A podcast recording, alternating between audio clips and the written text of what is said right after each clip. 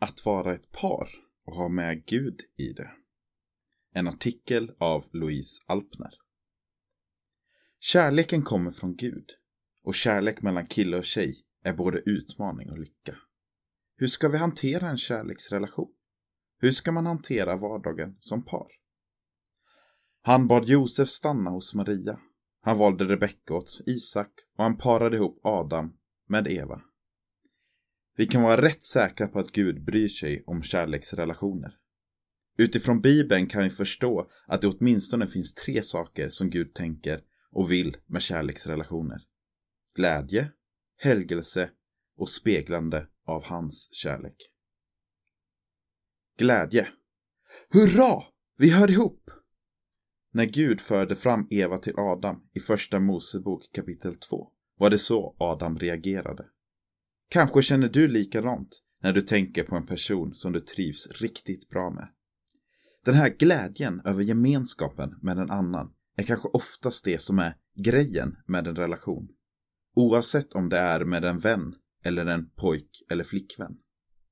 Vi vill ju fortsätta att vara i den där gemenskapsglädjen. Ett av Guds syften med kärleksrelationer är just den glädjen. Han har skapat oss med en längtan efter relationer med andra människor och även han blir glad när den längtan möts. Helgelse För ett tag sedan gick jag för första gången på ett gruppträningspass på gymmet. Under ett moment skulle vi hålla ett gummiband snett bakom ryggen och träna armarna.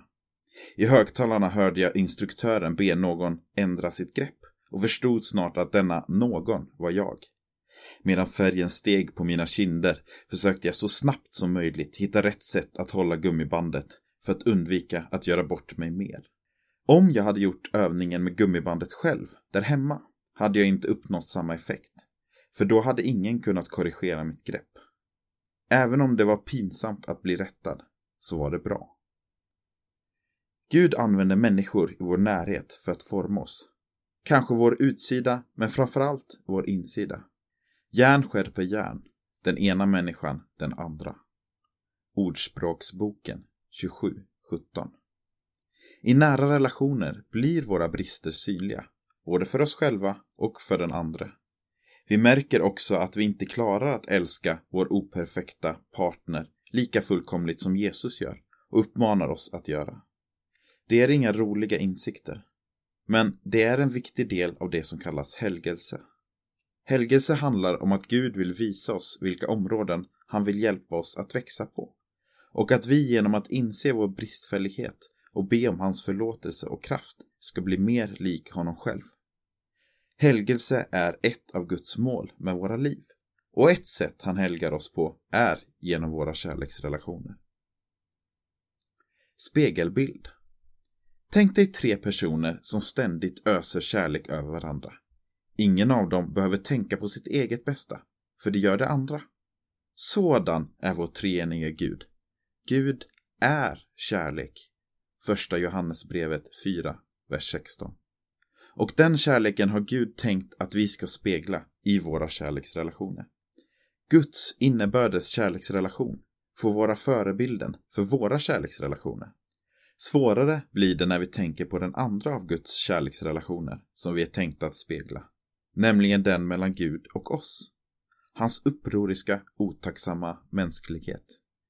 I den relationen innebär den totalt utgivande kärleken att offra sig själv. Om någon visar så mycket som en gnutta av den kärleken mot oss när vi verkligen inte förtjänar den, kan det öppna våra ögon för hur mycket Gud älskar oss.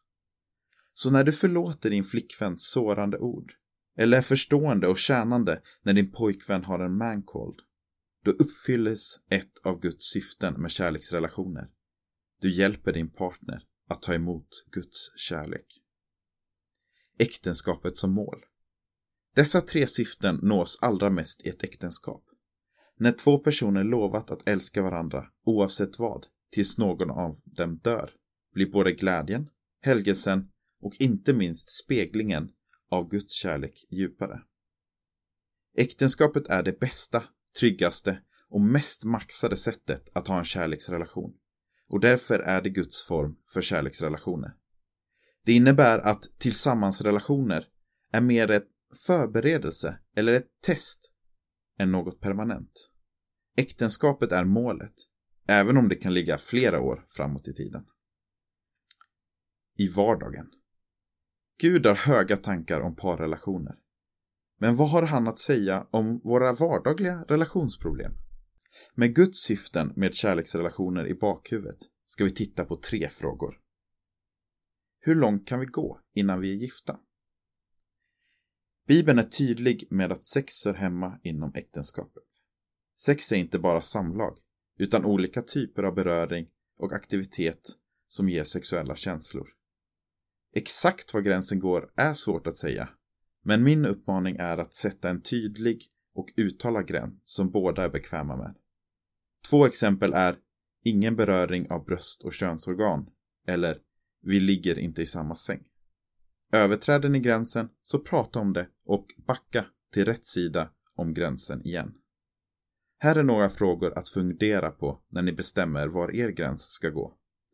Hur mycket vill du ha gjort om det inte blir ni som gifter er med varandra? Och hur kan ni ära Gud med det fysiska i er relation? Sträva efter att komma så nära Guds vilja som möjligt istället för att försöka gå så långt som möjligt utan att göra fel. Kan jag vara tillsammans med en som inte är kristen? Salomo var i början av sin regeringstid en god kung som följde Guds vilja. Men han gifte sig med kvinnor som inte trodde på Gud utan hade andra religioner. Det påverkade honom så att han började tillbe avgudar och slutade att göra som Gud ville. Se Första Kungaboken 11, 1-7. Precis som Salomo så påverkas vi mycket av vår partner. En förhoppning skulle ju kunna vara att det är din partner som blir påverkad av din tro och blir kristen. Men vad är det som säger att det inte blir tvärtom, som är Salomo? Insatsen är för hög. Din tro på Jesus är det bästa du har. Riskera inte att mista den. Till detta kommer också att ni inte kan be tillsammans, dela det perspektiv på livet som tron ger eller ha Guds offrande kärlek som drivkraft och förebild. Leta istället efter en partner som kan föra dig närmare Gud. Någon som prioriterar honom minst lika högt som du gör. Hur ska jag hitta en partner som gör mig lycklig? I en lycklig relation har parterna både likheter och olikheter. Att vara lik när det gäller grundläggande värderingar och vad man strävar efter i livet, men olik på en del mer ytliga sätt, ger både trygghet och spänning. Det finns ingen partner som kan göra dig lycklig på djupet. Det kan bara Gud. Han är den enda som kan älska perfekt. Gud är den perfekta parten. Den enda som kan möta din längtan efter att bli helt och hållet älskad.